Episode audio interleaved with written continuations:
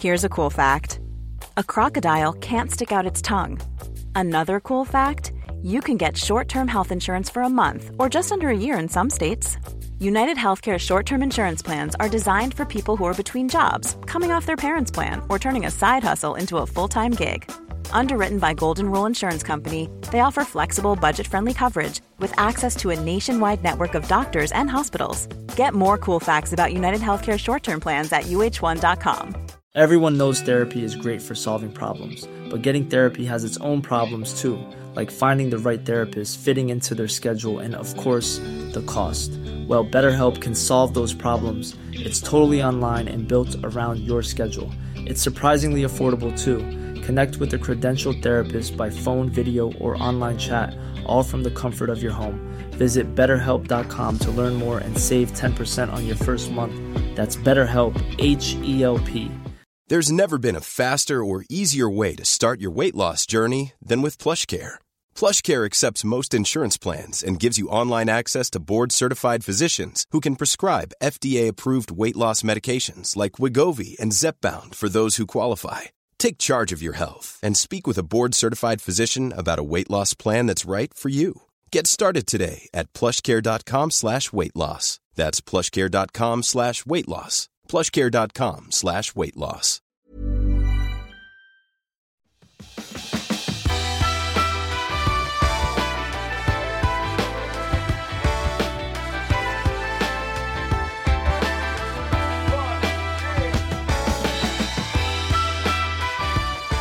Hej och varmt välkommen till Klimakteriepodden med mig, Åsa Melin. Är det inte lite värt att fira att det här är avsnitt 250 i alla fall? Det är otroligt om du hade frågat mig för fem år sedan. Jag trodde aldrig att det fanns så mycket sug efter kunskap och att det skulle gå att göra så många kopplingar till oss kvinnor i och kring klimakteriet.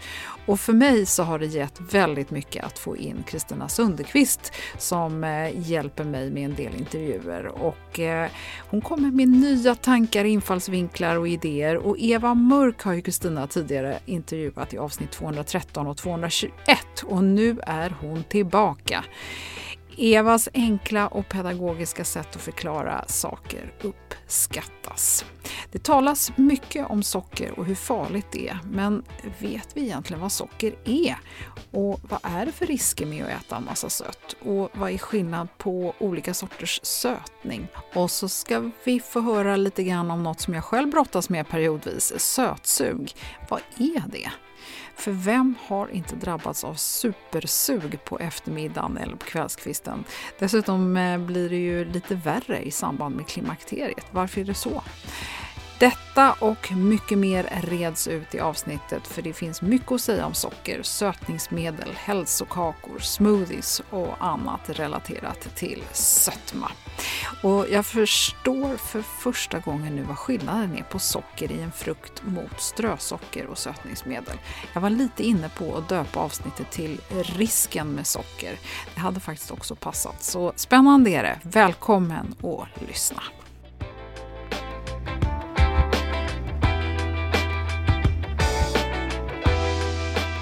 Då säger jag varmt välkommen tillbaks till Klimakteriepodden Eva Mörk. Tack så jättemycket, så roligt att vara tillbaka här.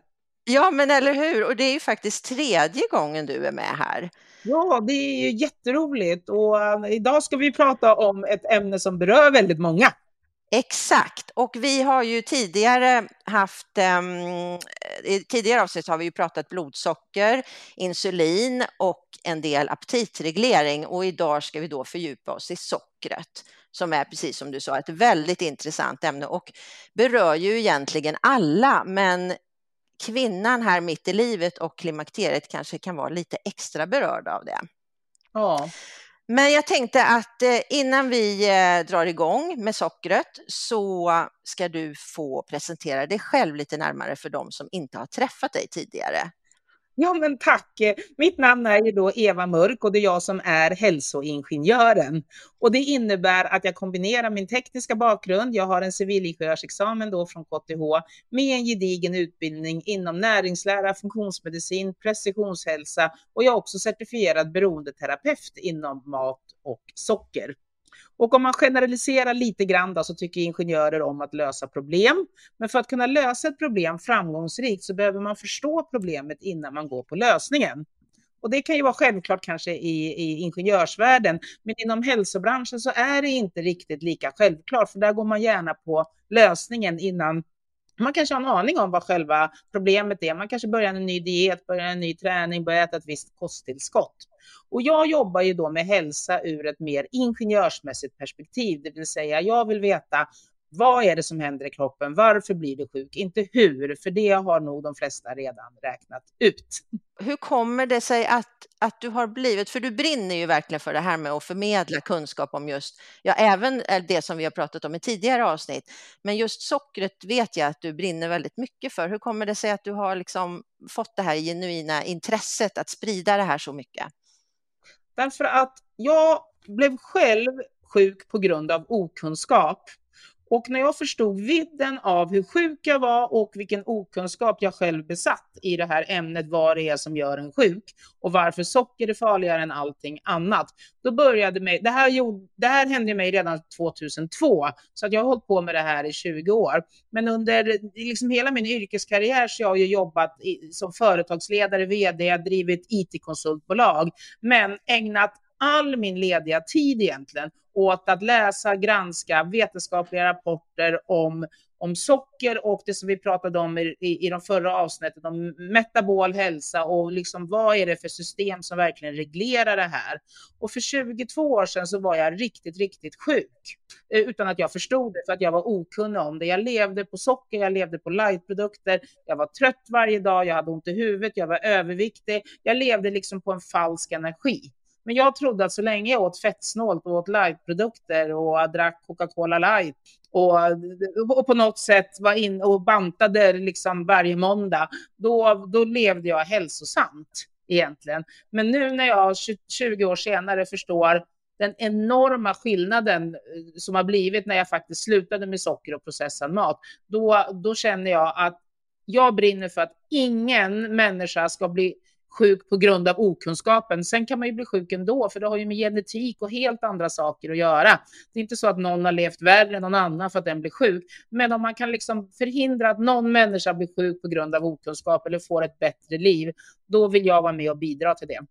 Så sen fem år tillbaka så, så slutade jag hela min karriär i it-branschen och nu jobbar jag ju heltid med att driva utbildningsbolaget då, Elitista som vill ge hälsokunskap som förändrar framtiden då. Och då är det framför allt hälsokunskap inom metabol hälsa som jag då har nördat in mig i. Och då är socker en väldigt stor bov i det här och ska man liksom våga prata klarspråk och säga ska vi sikta på det som är problemet, då är det socker och den processade maten som är problemet.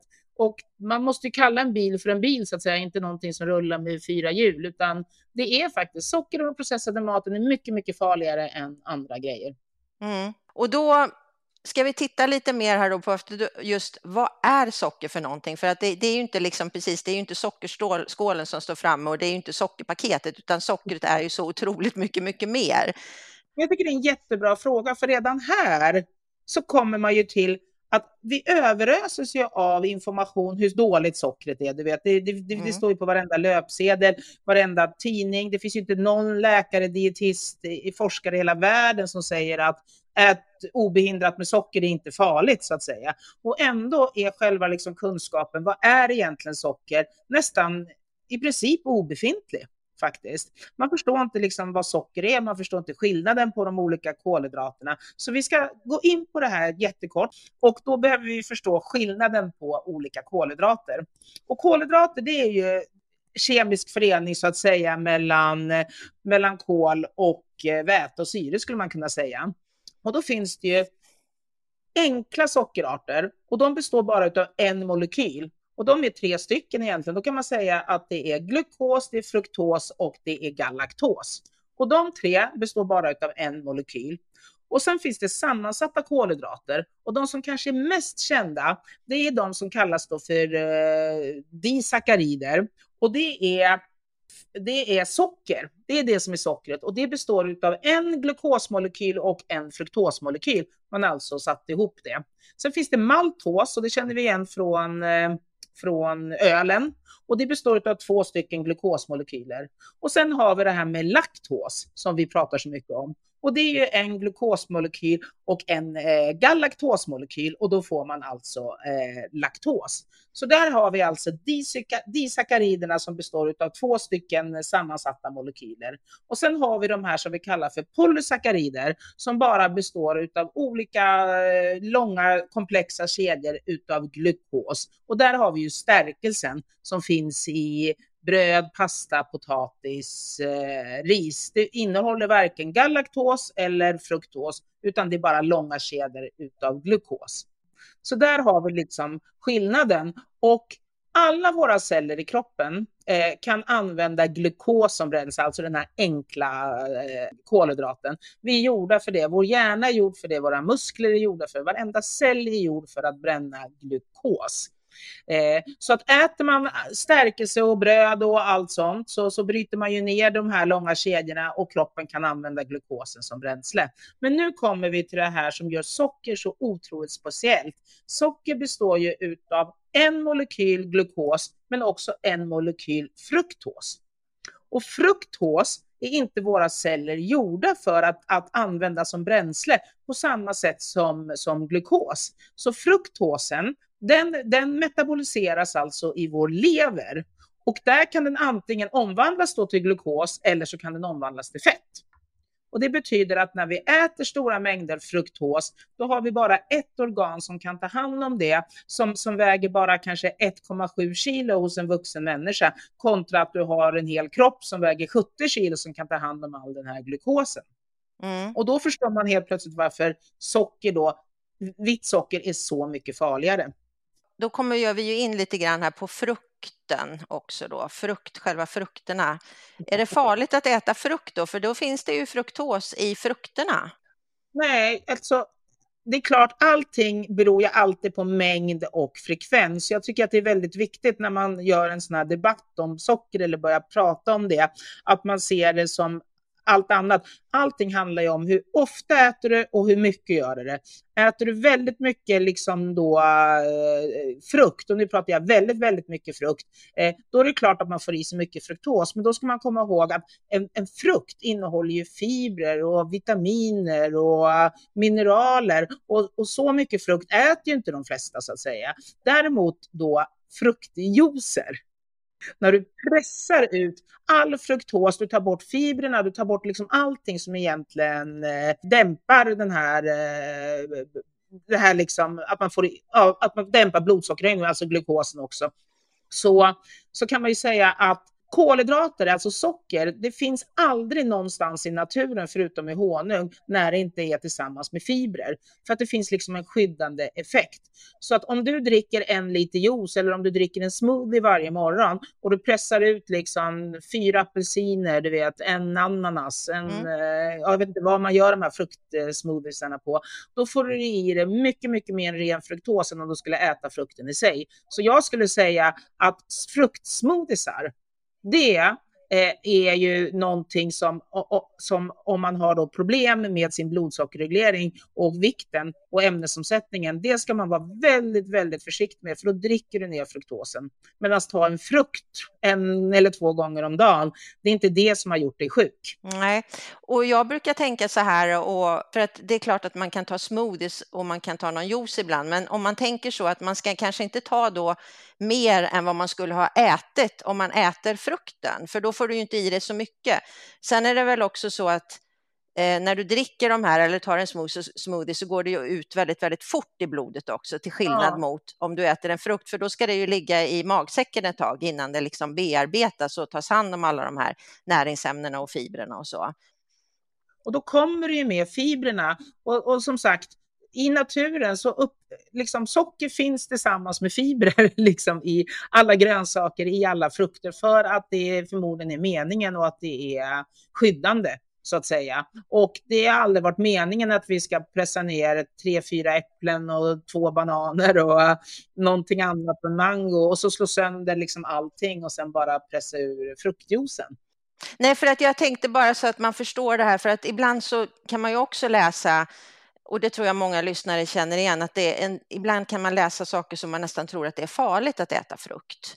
Det är det verkligen inte, utan det är fruktosen när man pressar ut det i stora mängder och när man dricker ner det, där man inte, liksom, som du säger, har riktigt kontroll på att har jag fått i mig nu samma mängd som fyra eller fem äpplen i ren fruktos utan fibrer, än att äta liksom ett äpple. Det finns ju få som orkar äta liksom fem äpplen egentligen. Men just det där med okunskapen, för att jag tycker att att eftersom fruktos då inte påverkar blodsockret på samma sätt som, som glukos, då står det ofta så här, fruktos, lågt eh, GI, påverkar inte blodsockret. Nej, det är klart det inte påverkar blodsockret när kroppen inte kan använda sig av fruktosen som bränsle, utan den går ju direkt till levern i princip och där omvandlas den till antingen glukos eller till fett.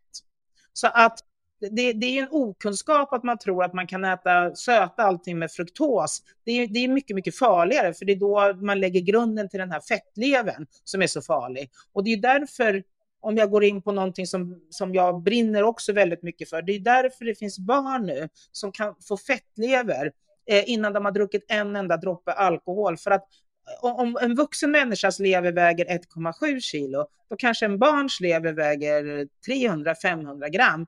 Och vissa människor, vissa barn då som har den här känsligheten, de klarar inte av den här mängden fruktos. Och de, de får alltså fettlever redan vid tonåren. Och sen, sen, sen klagar vi vuxna på att barnen har blivit lata, karaktärslösa och, och allting. Men titta på vilken värld våra ungdomar växer upp i, på idrottsarenor, i skolan, till frukosten. De får i sig så mycket vitt socker, alltså fruktos. Så de här stackars barnen då som har en biokemi redan från början som, som är känsligare, de är chanslösa. Och det är för att vi vuxna inte tar vårt ansvar tycker jag och förstår hur farligt det är. Men du, jag tänkte på då har vi ju kommit också in lite grann på det här med alla de här som jag också tycker kan vara viktigt att ta upp, alla de, allt det här hälsogodiset som vi äter idag. Om vi tittar på alla mm. recepten och man ska använda torkad frukt som då är frukt, liksom att vi har dadlar, vi har torkade alla möjliga saker. Hur ska vi tänka om det? Nej, men jag tycker nu, nu tänker jag på det här lite, lite då ur ett ingenjörsmässigt perspektiv. Det beror på vad du har för problem. Om du har problem med vikten, det vill säga att du har börjat få ett svällande midjemått som visar på att du har börjat lagra fett runt de inre organen i levern på grund av alltså att man har förmodligen haft en överproduktion, att, att glukos och eh, den här fruktosen har omvandlats till fett. Då tycker jag att man ska undvika all torkad frukt så här som man ska verkligen minimera det.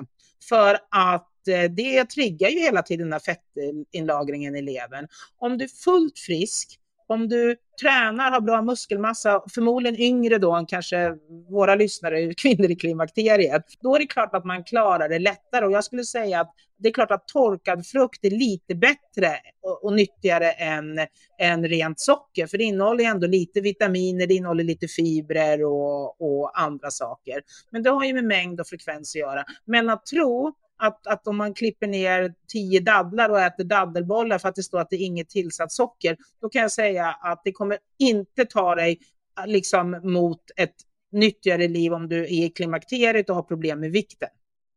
Utan var jätte, jätteförsiktig. Men jag tycker ändå att det är viktigt att man förstår vidden av det, men är du fullt frisk då menar du, då, ska man, då är det ingen fara och att man då äter det ibland, men att man inte sitter och äter det varje dag. Jag betraktar det som vilket godis som helst. Det är ingen som sitter och äter kanske jättemycket köpt godis. Eller det här kan vara lite, lite nyttigare, men allt det här naturgodiset, det innehåller jättemycket socker också. Så att det, det är det där, man ska vara medveten om vad det är man stoppar i sig och inte tro på reklamen att det är nyttigt. Just det. Mm. Nej, men jag tycker det här är viktig information för att just namnet fruktos kan ju också få jag tror när jag var yngre, när jag läste så tänkte jag men det är ju fruktos, det kommer ju från frukt och då är det ju något bra. Ja. Och det kanske kan också ligga kvar ibland att man kan bli förvirrad. Så jag tycker det här är jätteviktig information att man ändå förstår skillnaden där och sen också det här med det glykemiska indexet som jag vet att många pratar om. Ja, men det är så lågt på fruktosen så att det är inte lika farligt då som glukosen eftersom inte blodsockret då sticker. Men att man förstår det här. Ja, det är jättebra. Och farligast om vi ska komma in på det farligast som man har sett nu, det är ju det som så att man utvinner alltså ren fruktos ur majs. Och det är det som, som kallas för HCFSC, eh, alltså High Corn Fructose Syrup. Och det är det är mycket billigare naturligtvis att utvinna. Eh, I USA så, så, så söter man då läsken och väldigt mycket processad mat, eh, godis och färdiga kakor och sånt med, med den här rena fruktosen för att den är som sagt mycket, mycket billigare. Och det är ju det som många ser har skapat kanske hela den här enorma fetmaepidemin att eh, ungdomarna då, eller vuxna också, att de dricker ner den här enorma mängden ren eh, fruktos. Och i Europa mm. så är det förbjudet. Så där köper man liksom sockrad läsk så är det ändå smak, då är det socker, då är det inte ren fruktos. Och man ska vara väldigt försiktig med alla de här namnen på socker när man eh, köper mat. Alltså som man, det står kanske inget tillsatt rent socker, men det kan ju finnas massa andra saker som innehåller socker.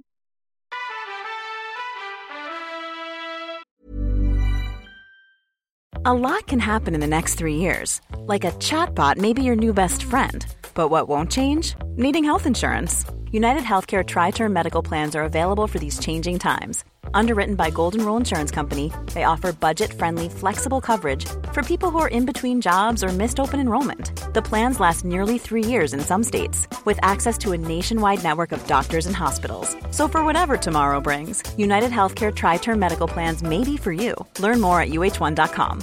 This is Paige, the co-host of Giggly Squad, and I want to tell you about a company that I've been loving, Olive and June. Olive and June gives you everything that you need for a salon quality manicure in one box. And if you break it down, it really comes out to $2 a manicure, which is absolutely insane. It's also so easy to get salon worthy nails at home with Olive and June. The difference between how your nails used to look when you did them yourself and now with the Manny system is a complete game changer. The best thing about Olive and June too is it's a quick dry, dries in about one minute, lasts for five days, and full coverage in up to one to two coats. Visit oliveandjune.com slash perfect Manny 20 for 20% off your first system. That's oliveandjune.com slash perfect Manny 20 for 20% off your first system system.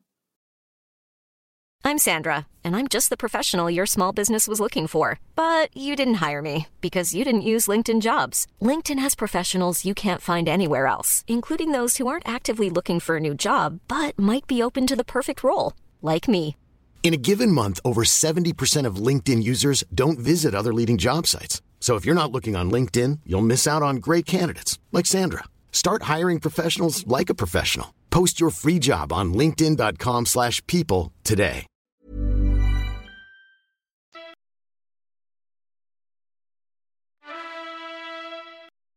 Jag tänkte backa lite här. Vi har ju varit inne på, eh, vi har pratat om att det här med fettlever och insulinresistens har vi nosat lite på. Men vad är det mer för sjukdomar eh, som man kan se som kan kopplas till sockret? Ja, alltså först, man kanske nästan pratar mest om då, det är ju eh, typ 2-diabetes egentligen. Att man, det kallades ju till och med för sockersjukan för ett antal eh, år sedan. Så att där är det ganska naturligt att man, man, man ser kopplingen då att om man äter mycket socker så kan man drabbas av typ 2-diabetes. Men eh, själva liksom innan man drabbas av typ 2-diabetes så, drabb, så börjar det ofta med att man får den här rubbningen, det vill säga att man inte kan ta man, kroppen kan liksom inte ta hand om all den här glukosen och fruktosen som man får i sig, så att den omvandlas ju då till fett. Och det är så den här inre förfettningen börjar i, i levern. Så fetma och övervikt, det har liksom, jag kan inte nog betona det, det har ingenting med karaktär och viljestyrka att göra, utan det är en hormonell obalans där, där kroppen har för mycket då av ett hormon som heter insulin i kroppen, vilket gör att det triggar då fettinlagringen i, i kroppen. Och när kroppen till slut inte klarar av att få in all den här glukosen in i cellerna där de ska användas som energi, då är man ju inne på typ 2-diabetes. Och det är ju därför den kallas för sockersjukan. Man kan inte längre få in eh, glukosen in i, i blodet. Men det är ju bara en del av det. Sen finns det ju liksom att, att kroppen då kan bli någonting som kallas för insulinresistent, det har vi pratat om i de andra avsnitten. Eh, det, man svarar inte längre på insulinet, utan kroppen måste liksom eh, skjuta ut mer och mer insulin för att få in glukosen i cellerna. Och själva insulinresistensen i sig är ju en sjukdom så att säga som är nästan grundorsaken till många av våra moderna sjukdomar. Att gå med höga blodsockernivåer under lång tid, att det är väldigt inflammatoriskt. Det är som att ta en flaskborste och rispa i blodådrorna, det vill säga där har du början till din infarkt när kroppen liksom skjuter dit eh, eh kolesterol egentligen för att dämpa inflammationen. Så alla de här hjärt och kärlsjukdomarna eh, det är 70 procent eh, av dödsorsaken i Sverige är ju någon form av hjärt och kärlsjukdom. kan ju kopplas då till, eh, till att man kanske har gått med för höga blodsockernivåer under lång tid. Det är alltså en metabol sjukdom, en infla, liksom att man har en låggradig inflammation. Sen driver ju socker även inflammation på många, många andra ställen i, i kroppen. Man vet ju att demens kallas ju för diabetes typ 3, jag tror de kallar det. Att, Absolut. Ja. Att, att, att det, man ser att det är någon form av insulinresistens i hjärnan. Att, eh, att hjärnan får alltså energibrist. För att om inte, om inte hjärnan kan få in den här glukosen in i, i hjärncellerna så det kan användas som energi, då har man ju energibrist. Och då dör ju hjärncellerna och där bör man ju se liksom demens, Alzheimer, att det finns en, eh, en koppling. Väldigt många eh, har ju, har ju sett också att det själva tarmfloran, att man göder ju fel sorts bakterier i tarmfloran. Man göder de onda bakterierna istället för de goda bakterierna. Eh, så då, göder man, då, då göder man dem och som också då kan driva mot inflammation. Artros, ledvärk, man kan, är också kopplat till eh, inflammation så att säga av socker och processad mat. Jag kan fortsätta med så mycket till egentligen. Sänker in immunförsvaret har man ju sett också att mycket socker då, då eh, gör att immunförsvaret blir sämre. Eh, man åldras snabbare. Eh, det bildas ju väldigt mycket mm, oxidativ stress i kroppen när man bränner socker. Så att man åldras snabbare. Så att det, liksom socker är inte ofarligt. Vi är inte gjorda för att äta den här mängden socker. Sen är det klart att om man äter socker en gång i månaden lite grann, det är inte lika farligt som att eh, dricka en läsk om dagen och börja dagen med två bars och en eh, bulle eller någonting sånt. Mm. Nej, och sen tänker jag just för, för våra lyssnare här då i Klimakteriepodden, när vi då bara det att vi, att vi är i den här åldern så har ju också har, det ju, har vi ju en lägre insulinkänslighet och ja. sen upplever ju faktiskt väldigt många kvinnor att de är känsligare för socker nu och mår bättre med sina klimakteriebesvär ifall man drar ner på sockret och mm. den här processade maten. Då. Alltså de flesta människor föds ju ändå mer insulinkänsliga, du vet barn, man får gissa att barn, de flesta barn föds friska och sen är det som en enda lång nedförsbacke ner då under livet, att man, man eh, gör sina celler mindre och mindre känsliga. Och just när vi kommer i klimakteriet med den här enorma hormonella förändringen, när både östrogenet, när progesteronet liksom minskar, när när vi är mer stressade, vi sover sämre, vi tappar muskelmassa. Det här är liksom det är alla förutsättningarna för att verkligen kunna förstöra vår metabolism och bli metabolt sjuka. Och det är därför många av oss har problem med vikten här och, och har väldigt sötsug eh, under de här åren. Det är som att vi har en energibrist som vi behöver kompensera för. Mm. Ja, och jag tänkte vi ska, vi ska prata om just det här med sötsuget eh, lite längre fram här, men först skulle jag vilja att vi också kommer in lite grann på sötningsmedel. För det är också någonting som, som många använder och eh, det finns ju väldigt eh, mycket skrivet om det också. Hur ska vi tänka om det? För att då har vi ju både de naturliga sötningsmedlen och sen har vi de här artificiella. Ja, och det där, jag tycker det är en svår fråga och jag tror att det beror på vad man har för problem också och hur ofta man eh, använder sig utav det. För att jag kan säga direkt, om man är sockerberoende, det vill säga att man verkligen appellerar på det här söta hela tiden, då kan man säga att då är det den söta smaken man appellerar på. Då spelar det ingen roll om det är sötningsmedel eller inte. Då triggar man igång på att det är sött i munnen. Och då är ju sötningsmedel väldigt farligt liksom ur den aspekten att man vill inte göda den här sötningsgrejen, man vill inte trigga det. Om man tittar liksom på, om man inte då är sockerberoende eller om man är det, men man in i en sån fas i livet att man klarar faktiskt inte av ändå att helt avstå från socker. Då kan det ju vara en idé att använda sig av vissa sötningsmedel som man vet inte påverkar blodsockret och insulinet lika mycket. Och här kan inte jag säga om det är rätt eller fel, för man vet ju egentligen inte. Det kan påverka, man vet att det påverkar tarmfloran negativt. Så har man väldigt problem med magen och matsmältningen, då kanske man ska utesluta sötningsmedel ur, ur den aspekten. Men stevia, som är liksom pulveriserad stevia som inte är, är processat alltså överhuvudtaget, det har man ju sett ändå är en bra alternativ om man då inte är sockerberoende. Och även då de här stevia plus erytyrol och ren erytyrol. Det är väl det som påverkar liksom blodsockret och insulinet minst. Men hur det sen påverkar hjärnan eller påverkar tarmfloran, det, det är väldigt individuellt. Jag tror inte man har forskning på det. Det finns ju en del forskning, men det, det spretar lite grann tycker jag. Och man har pratat om att man kan få cancer och det, just precis det här som du pratar om att det triggar, det menar ju en del på att det inte gör.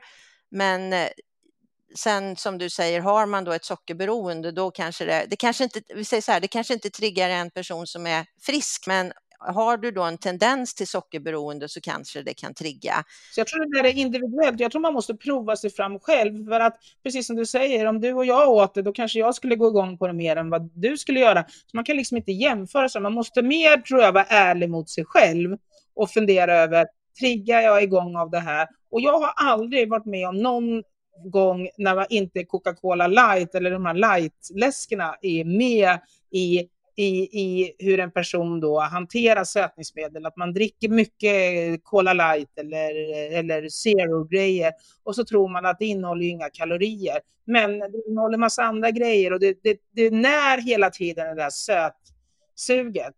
Så ska man försöka ta bort någonting så skulle jag säga ta bort alla lightdrycker egentligen. Och om jag själv då, personligen ibland vill baka eller göra någonting, även om jag liksom har en sockerberoende hjärna, så, så, så sötar jag hellre då med lite, lite stevia om jag gör någonting. För att jag är väldigt rädd om mitt blodsocker och insulin. Men jag gör det väldigt sällan. Men jag tycker av två onda ting så tycker jag det är bättre än att äta rent socker. Sen har vi det där fibersirap, du vet, som man kan eh, det, påverkar lite, men inte fullt lika mycket. Eh, maltodextrin och maltitol, det är sötningsmedel som faktiskt påverkar både blodsockret och insulinet jättemycket. Alltså hermesetas och det, det, det står väldigt mycket på de här sockerfria produkterna. Leta efter maltitol, för det är, och maltodextrin, det, är, det har man sett alltså att det påverkar blodsockret och insulinet. Alla de här andra sockerarterna, det är ju lätt att tro att kokossocker skulle vara bättre, du vet, eller agavesirap mm. eller någonting. Men, men det är, agavesirap är ju mycket, det är fruktos i. Så att även om inte det påverkar blodsockret lika mycket så är det ju ren fruktos. Så att står det agavesirap då skulle jag knappt, jag skulle inte ens ta i det tror jag om det, om det är sötat mycket med agavesirap, för det är liksom det farligaste man får nog pröva sig fram och vara kanske medveten om att lys eller lyssna på kroppen. Känner man att man blir triggad så ska man kanske låta bli de här sötningsmedlen. Men jag tycker ändå att det är, det är bra att ta upp det här och att man ändå tar sig en liten tankeställare och inte bara tror att att alla de här proteinbarsen, det är inget socker i dem och de här hälsokakorna man gör, ja men de är så hälsosamma och alltihopa, utan att man ändå har det här med sig lite som vi har pratat om nu. Att... Det, det, är liksom, det är ju det tycker jag som eh, många protesterar mot, att de får en att tro att det är hälsosamt. Och det är inte det, för att vi, vi, förstår för lite om hur det påverkar kroppen egentligen, den här, liksom när det står glukosirap egentligen, det är ju också ren, det är ju fruktos också det är ju viktigt att, att försöka få den här informationen så man inte går runt och har den här okunskapen om de här andra sakerna. Att det inte bara handlar om den här vita påsen som det står strösocker på, liksom, utan socker är så mycket mer. Väldigt många av mina kunder säger ju, ja men jag äter inte så mycket socker. Men, nej, det är klart att det är väldigt få som sitter och slevar i sig strösocker. ja, nej, men det är ganska svårt också. Ska vi ta och um, gå in på det här med sötsug, för att det tycker jag är spännande och det tror jag många känner igen sig i att vem har inte haft ett sötsug som man inte riktigt kan behärska ibland? Och vad är sötsug och vad kan man göra åt det? Och framför allt här när vi då kommer i klimakteriet så upplever ju många att sötsuget faktiskt blir värre. Jag känner det mycket, mycket mer faktiskt nu än vad jag gjorde för tio år sedan. På något sätt ska man förstå att, att sug, det är ju hjärnan, liksom det är en craving, så det är väldigt, väldigt svårt att stå emot det. Så det, det är inte heller någonting liksom med karaktär och viljestyrka, utan drabbas du av det här suget, då är det ju som folk säger, då kan man faktiskt sätta sig i bilen och åka en mil till Statoil för att köpa lite godis. Liksom. Man orkar göra ganska mycket effort för att få tag i, i, i det här söta. Så jag tror att liksom, man måste försöka stötta upp kroppen med allt de går för att minska suget. För man kan inte bara säga att man ska stå emot det, för det är väldigt få som gör. Man kanske kan stå emot det en eller två dagar, men till slut står man där ändå. Så att man måste försöka dämpa det här suget. Och det kan man göra på några olika sätt. Och det jag har sett, det är att många som håller på med det här periodisk fasta, de kanske hoppar över frukosten och sen äter man bara lunch och sen så börjar man äta på middag och sen äter man liksom mycket hela kvällen för att man är sugen hela kvällen. Och jag har sett att ett effektivt sätt att minska suget är faktiskt att börja äta en rejäl frukost med mycket protein. Att få sitt proteinbehov tillfredsställt redan på morgonen. Och det spelar ingen roll om du inte är hungrig första gångerna när du gör det, utan försöka ändra ditt ätfönster. Så ät ganska mycket till frukost, ät ganska mycket till lunch och så äter du mindre till middagen i så fall. För att det är någon slags energibrist man har då på kvällen när man inte har ätit tillräckligt på dagen. Så att det är viktigt att äta på dagen och då minskar, minskar eh, suget på kvällen. Sen vet man ju naturligtvis att mat som höjer blodsockret mycket, att man får de här blodsockersvängningarna, det skapar sug. Och viss mat, socker, processad mat, kombinationen socker och fett, det slår ut liksom hjärnans mättnadssignaler och man kan äta mycket, mycket mer av det. Så att den kombinationen är inte bra faktiskt för eh, våra hjärnor, utan våra hjärnor mår väldigt bra utav eh, rena fetter, alltså att man får i sig rätt mängd fett och att man får i sig eh, tillräckligt mycket protein. Då blir våra kroppar lugna. Och det finns ju de teorier som, säger, som tror nu att vi äter tills vi har fått vårt liksom, proteinbehov tillfredsställt. Och när vi kommer i klimakteriet, som man märker då, då sover man ju sämre.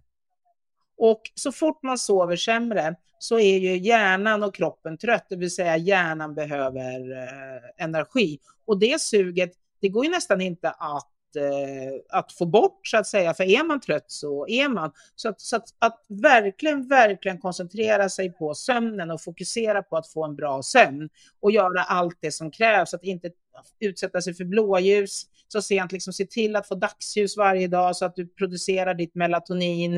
Eh, att eh, jag sover ju liksom med ögonlappar och så sover jag faktiskt med muntejp. Det har gjort jättestor skillnad på min djupsömn.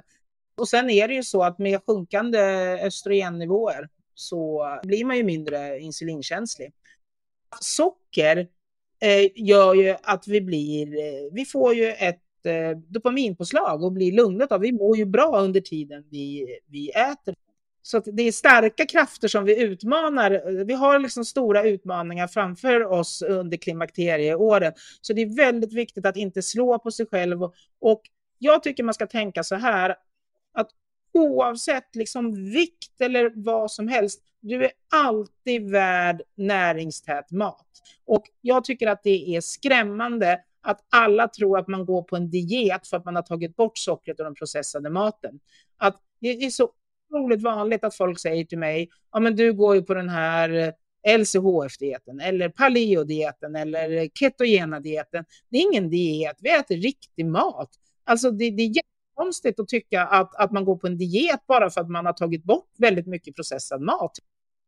Och jag tänker på just det här med de här sötsugen, det kommer ju också ofta, det är ju sällan att man kanske har de här cravings när man Nej. vaknar, utan de kommer ju ofta ja. på eftermiddagen och då vill jag återkoppla till det du sa, att om du då börjar dagen med att äta mycket protein och även till lunch, då kommer ju oftast inte de här cravingsarna, för då har du ju hållit dig mätt och det är ju ett tips som man liksom kan testa att jag ja. känner jätteskillnad på det. Om jag har slarvat på förmiddagen och lunchen, då blir jag väldigt ja. sötsugen på eftermiddagen. Men har jag gjort precis som du säger, då får jag ju sällan det sötsuget. Sen kan man ju få det ändå i och för sig, men det är väldigt tydligt att det, att det um, spelar in tycker jag. Vi ska äta oss mätta på riktig näringstät mat. Och det är liksom proteiner, det är grönsaker, det är, det är bra fetter. Inga konstiga transfetter. Eller vi behöver kokosolja, vi behöver smör, vi behöver eh, olivolja, nötter, du vet, eh, omega-3. Det är sånt vi behöver. Då kommer liksom våra kroppar lugna oss, lugna sig. Och stressen är ju förtärande på något sätt och den hänger ju ihop med också att när vi sover dåligt, då orkar vi liksom ingenting och så stressar vi upp oss över, så har vi mycket att vara stressade över. För kvinnor, moderna kvinnor drar ett stort lass, både hemma och, de, och när man jobbar, att det är ett hårt tempo.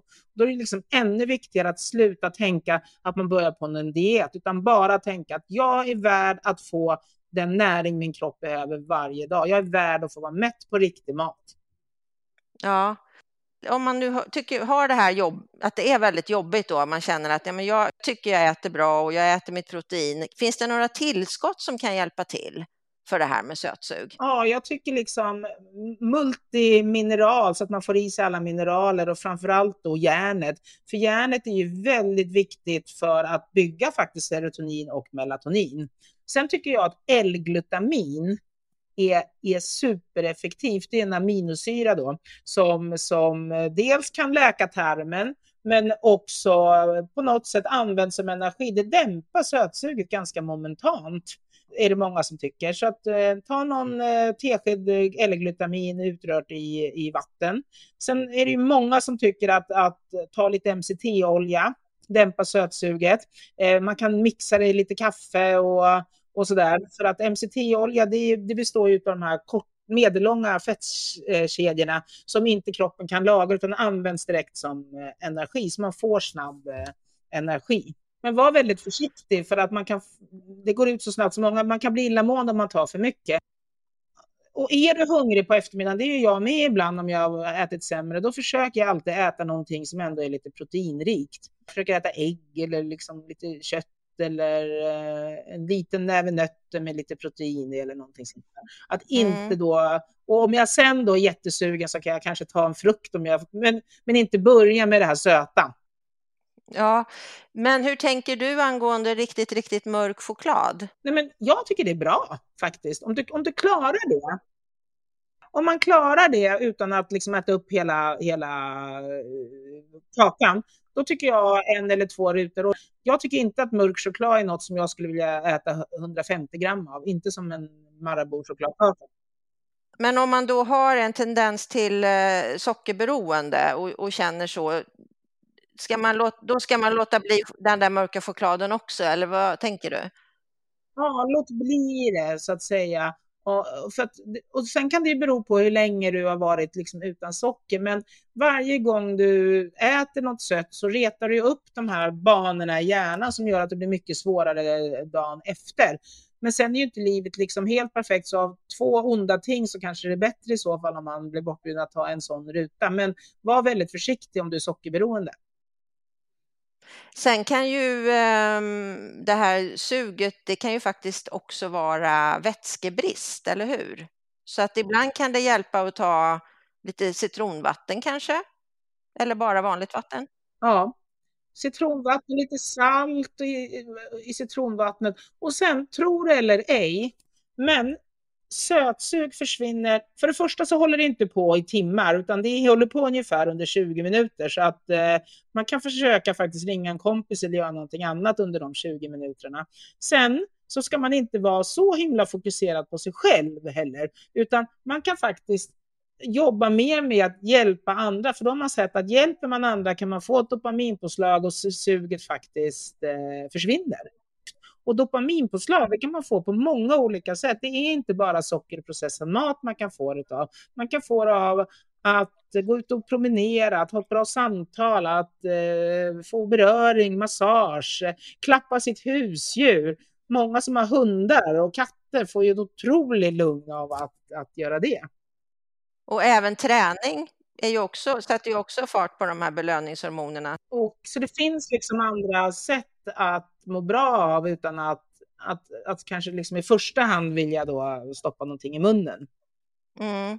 Och sen är ju ett, ett bra tips, det är ju just att man kanske då inte ska ha den här tillgängligheten till sötsaker utan att man har att man, om man nu vet att man har att man får de här cravingsarna och så där, att man, man har något litet kit som man tar till. Då. Om mm. det då är ett kokt ägg eller om man då klarar en chokladbit eller lite nötter, så en näve nötter eller någonting så att man ändå är lite förberedd. Kan inte det också vara en bra grej? Man måste hela tiden, tyvärr, och det är det här som gör att det är lite jobbigt, så behöver man liksom hela tiden ligga steget före i dagens värld. Man får liksom, så fort man slappnar av och tänker gud, det får gå som det går eller någonting sånt där, då är det ju lätt att man trillar dit. Men framförallt de dagarna man är trött, då måste man vara extra försiktig för att det här är liksom stressutlöst och det är utlöst av att man har energibrist. Och då, är det ju, då, då, måste man verkligen vara snäll mot sig själv, kanske vila och se till att äta ännu mer näringsrik mat så att man är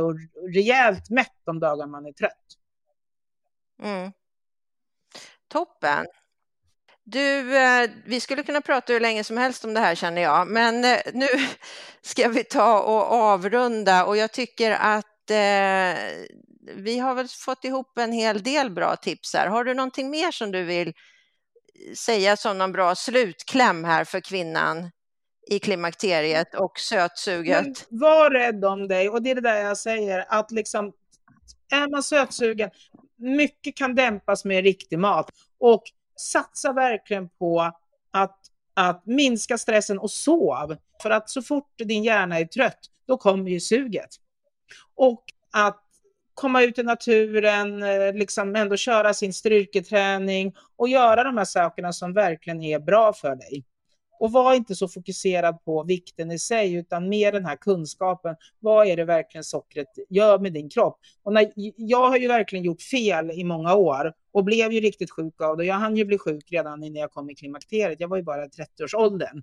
Så att eh, man ska verkligen ta det på allvar. Men det positiva är att kroppen vill läka, kroppen vill ha näringstät mat. Så börjar man med det här och håller och, och, och, och lever så, så kommer man liksom uppleva förbättringen. Kroppen vill ju att metabolismen ska fungera och den läker och hjärnan kan läka. Var snäll mot dig själv under de här åren och var snäll mot sig själv innebär inte att man liksom eh, förgiftar sig själv med, med mat som, som eh, bara gör en sjukare. Nej. Nej men toppen. Då tycker jag att vi avrundar där så tackar jag för din tid och att du ville vara med oss här i Klimakteriepodden en gång till. Ja, tack själv, jag tycker det har varit så kul att vara här.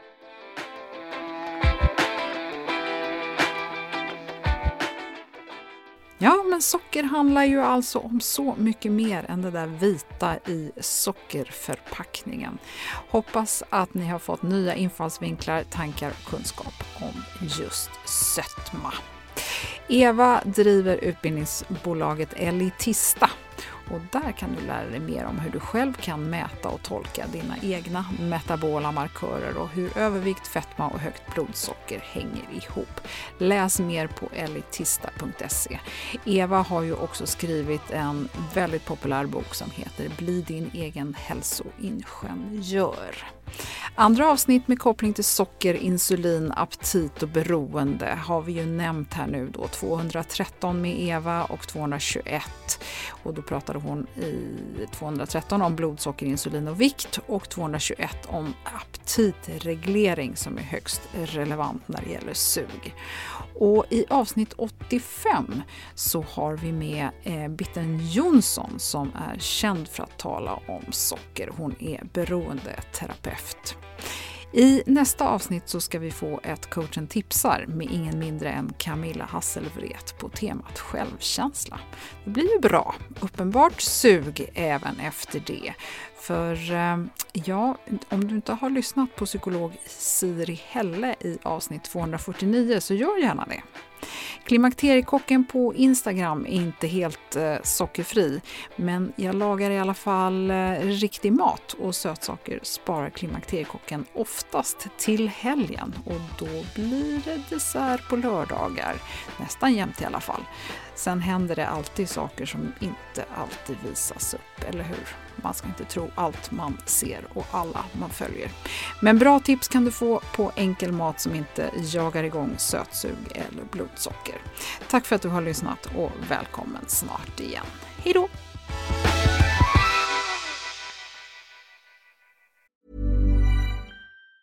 Have catch yourself eating the same flavorless dinner three days in a row? Dreaming of something better? Well, HelloFresh is your guilt-free dream come true, baby. It's me, Gigi Palmer. Let's wake up those taste buds with hot, juicy pecan-crusted chicken or garlic butter shrimp scampi. Mm. Hello Fresh. Stop dreaming of all the delicious possibilities and dig in at HelloFresh.com. Let's get this dinner party started. Mom deserves the best, and there's no better place to shop for Mother's Day than Whole Foods Market. They're your destination for unbeatable savings, from premium gifts to show-stopping flowers and irresistible desserts. Start by saving 33% with Prime on all body care and candles. Then get a 15-stem bunch of tulips for just $9.99 each with Prime. Round out Mom's menu with festive rosé, irresistible berry chantilly cake, and more special treats. Come celebrate Mother's Day at Whole Foods Market. This message comes from BOF sponsor eBay. You'll know real when you get it. It'll say eBay Authenticity Guarantee. And you'll feel it. Maybe it's a head turning handbag, a watch that says it all, jewelry that makes you look like the gem, or sneakers and streetwear so fresh every step feels fly. eBay gets it. So look for the blue check mark next to that thing you love and be confident that every inch, stitch, sole, and logo is checked by experts. With eBay Authenticity Guarantee, you can trust that feeling of real is always in reach. Ensure your next purchase is the real deal. Visit eBay.com for terms.